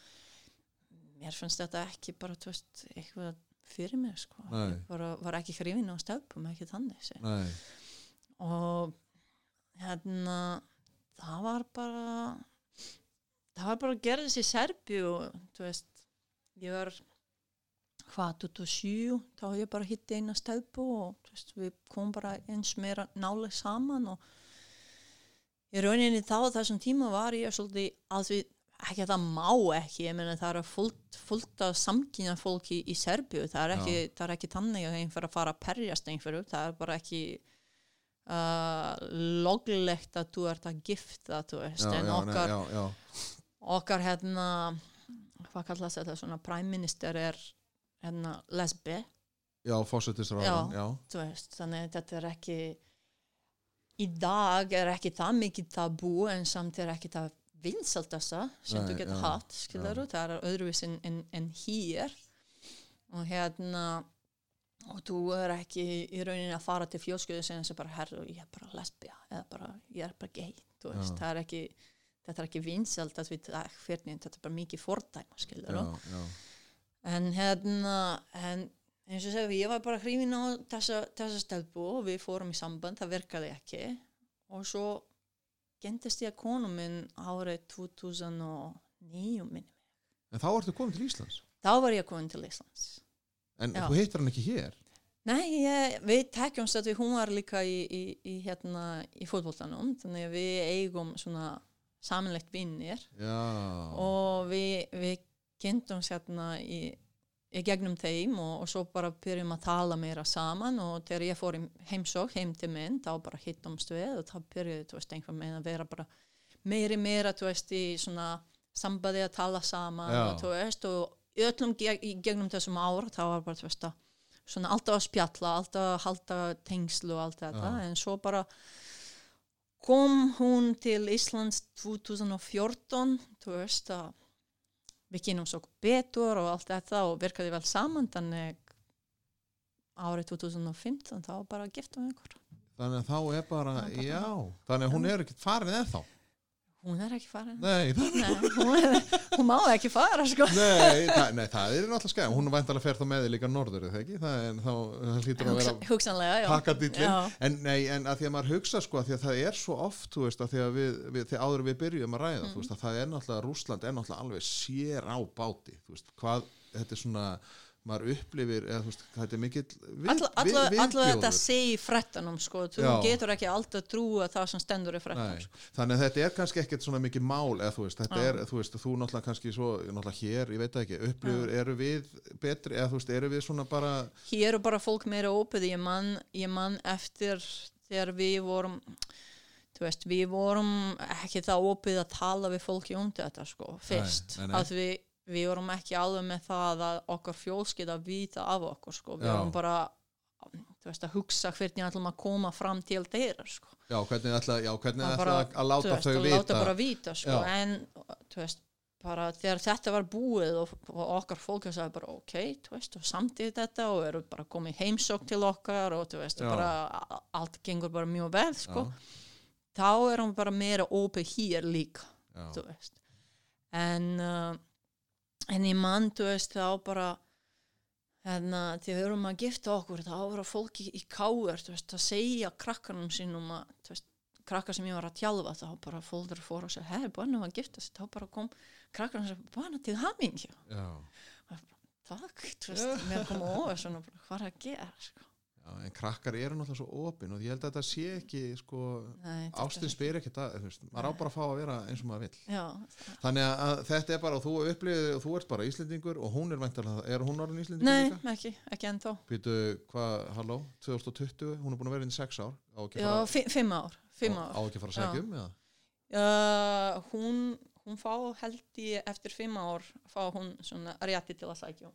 Já, þannig en við erum ekki að drífa okkur er bara, Nei, já, þið eru ekkert að fara heim, þannig veist, þið eru heima. við erum, við erum heima og við farum alltaf í heimsókn þú veist, og hverju ári En hvernig er þá, ok, þannig að þú ert bara hér og bara ert að fara norður og svona hvernig sérðu fyrir þér sko að, að erum við sko að því að við erum alltaf, nú erum við búin að nýbúið að taka þátt í, í Európa-keppni í handbólta fyrir Mhm. herra og við erum sko Íslandi farið að sko taka þátt í þessum stórum keppnum. Já, og svo eru stelpunar náttúrulega, sko stelpunar hafa náttúrulega alltaf verið svolítið svona flaggskipið. Já, þú veist að Margrét Lára og eh, Margrét La- Lára Viðastóttir og Mm. veist, þetta er svona, þú veist, og Sara Björk, Sara og, Björk, þú veist, er og svona, marga og, aðra sko. og körfuboltinn og veist, að það er svona, veist, hvernig sérðu fyrir framtíðina fyrir svona kannski lítið land, ég meina við erum ekki mörg uh, mér finnst Ísland, Ísland er ekki stór land en veist, start hafa ekkert að gera við metnaða fólki sko.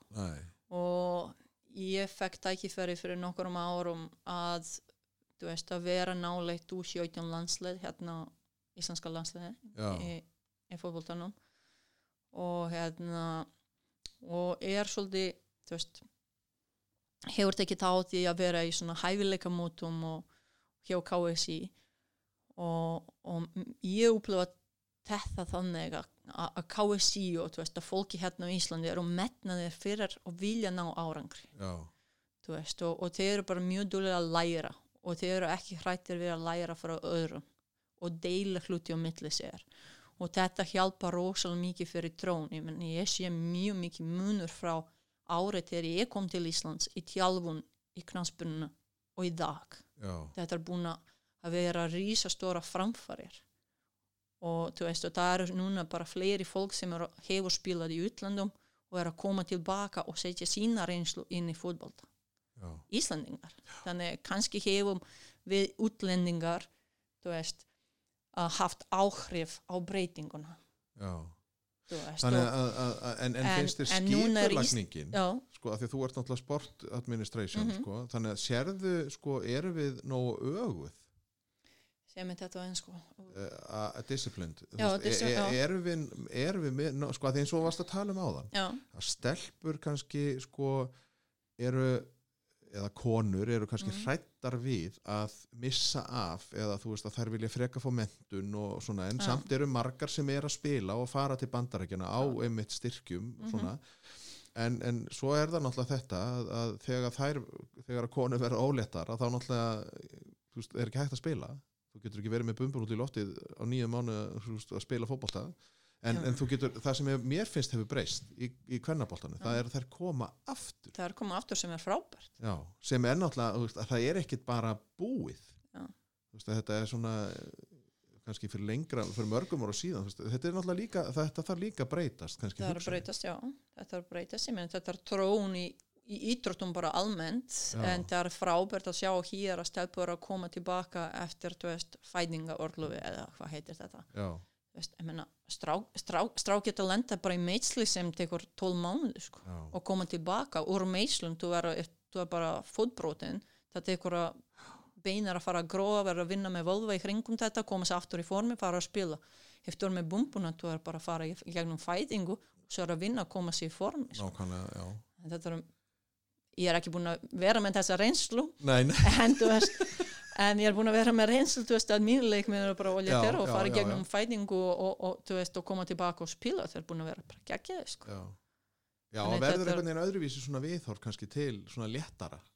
Uh, það fer eftir manneskja það er bara hver manneskja er bara fyrir sig sko. það getur ekki segja svona er það eða þú veist En, en svona að lokum að því að nú ég veit að nú, þú veist, að ég segi aftur þú- ekki að því fólki. að því að þú, að, Nei, að því að þú ætlar að vera þannig bara stutt sko. en, en þegar, ok, þú ert að fara norður mm uh, sérðu fyrir þér að, að e, þú veist, ert að fara þangað til þess að vera þar það sem eftir er ævinar eða ætlar að koma til Reykjavíkur að því að nú kemur bara spurningin hvað ætlar bójana Kristín Basic, Basic Basic, já. já, já, það kannu það Já. hvað ætla, hvaða plan er farið að koma í hausin á bójunu Uh, þú, he þú heyrði bara frá mér í, á erum að spjalla í kvöld eða tala saman í Að tveir klukkutíma? að plani hjá mér er alltaf að breytast hvort er bara, veist, hvort ég breyti þeim eða einhvað, þú veist er eitthvað að annað koma, já. eitthvað annað að koma í ljós það, maður getur ekki plana, maður getur verið bara taklað fyrir, þú veist, að bakna svo hverjum degi Já, og lífa lifinu, það er bara þannig. Uh, markmið við, mitt er að vera bara eins bestu ég get verið í mínu starfi. Og þú veist, ég svona þegar ég horfa á þetta ég verið að skýla fyrir næsta generations þú veist, einhvað að- frá mér. Já, e- e- þetta er svona pay it forward einhvern veginn þú, þú ert að líka, það er náttúrulega alltaf þannig að maður er að gera eitthvað sem að skila Já. sér væntalega til annara já, það er það En, byrju, en ég glemdi hún að spyrja, er, er konaðin, lí- hún var líka fótboltamaður? Hún var fótboltamaður. En er hún með eitthvað aðra veist, þannig að hún er ekki með sport Uh, hún- hún var ekki að klára en hún var hérna í menta sig í, hvað heitir þetta svona physical education? Já, sjúkuþjálfari nei, þetta er svona að Nei, já, já, vera íþróttakennari. Íþróttakennari. Já, já, já, já, þannig að það, þið getið alltaf fundið starf, það skiptir engum máli hvar þið verðið, þannig að þetta er alltaf bara svona já, hún reyndar ekki að klára þetta þannig hún er ekki með mentun í það en þú veist, vonandi einhver tíma einhver tíman, já. En er þetta ekki bara, ég vona að þetta hafi ekki verið of erfitt. Nei, nei það. var þetta ekki bara, ég, Bara- ég ætla hann að passa mig að nota ekki of erfið orð. Það var einu svo baðst nú um en ég vona bara að ég, veist, mér er svo gaman að heyra þetta þú, veist, þú ert mjög glöð eða svona jákvæð og bara brosmild og það er gaman að tala við því, við erum búin að vera þekkjast eða svona, tala saman í gegnum káir að því ég er að vinna í frístundamiðstöðinni sem er á sama stað á Káir þannig að við erum svona aðeins búin að spjalla. En, en ég bara vona að gangi vel fyrir norðan. Fyrir. og svo hérna, bara takk fyrir að, að deila með okkur svona lífinu þínu. Af því þetta er alltaf, það er svo forvillegt að fá sko önnur augu á okkur sjálf. Þannig að bara takk fyrir að, deila söguninni með mér og bara gangið er ofur vel. Já, takk fyrir það. Og þú spyrir mig áður um plan hvort ég er að plana að búa og akkur er eitthvað maður veit ekki þetta en ég verður bara að segja þú veist að uh, þessi, ég er búin að vera sex ár hjá Káður og það er búin að bara vera frábært tímabili hjá okkur. Já, og þú veist og það er rosalega gaman og skemmtilegt að sjá þú veist að fólk eru ána með mér. Já, og hérna og að þeir eru bara að tala við mig þú veist og eru bara oskar mér að góða gengis þú veist í næsta vinnu. Og, og það bara jafnvel getur verið bara og í einhver tíma bara snúa aftur tilbaka þannig. Og svona er þetta í okkar vinnu tjálfara þú veist, þú er að fara frá eitt félagi Já. hinn. Kannski flytjum við út í útlandum kannski þú veist, en maður fer bara eftir vinnu og eftir þú veist áskorana þannig það kemur í ljós en eins og segi, ég er búin að vera ánað bæði hjá Káir og Tór Káa og hérna og ég bara sjá til bara hvað kemur næst sko. þetta verður skemmtilegt og ég vona að bara þér gangi rosalega vel. Takk fyrir. Og, en ég ætla samt að segja í lokin Já. áfram breyðablik Ok, takk fyrir komuna. Takk, takk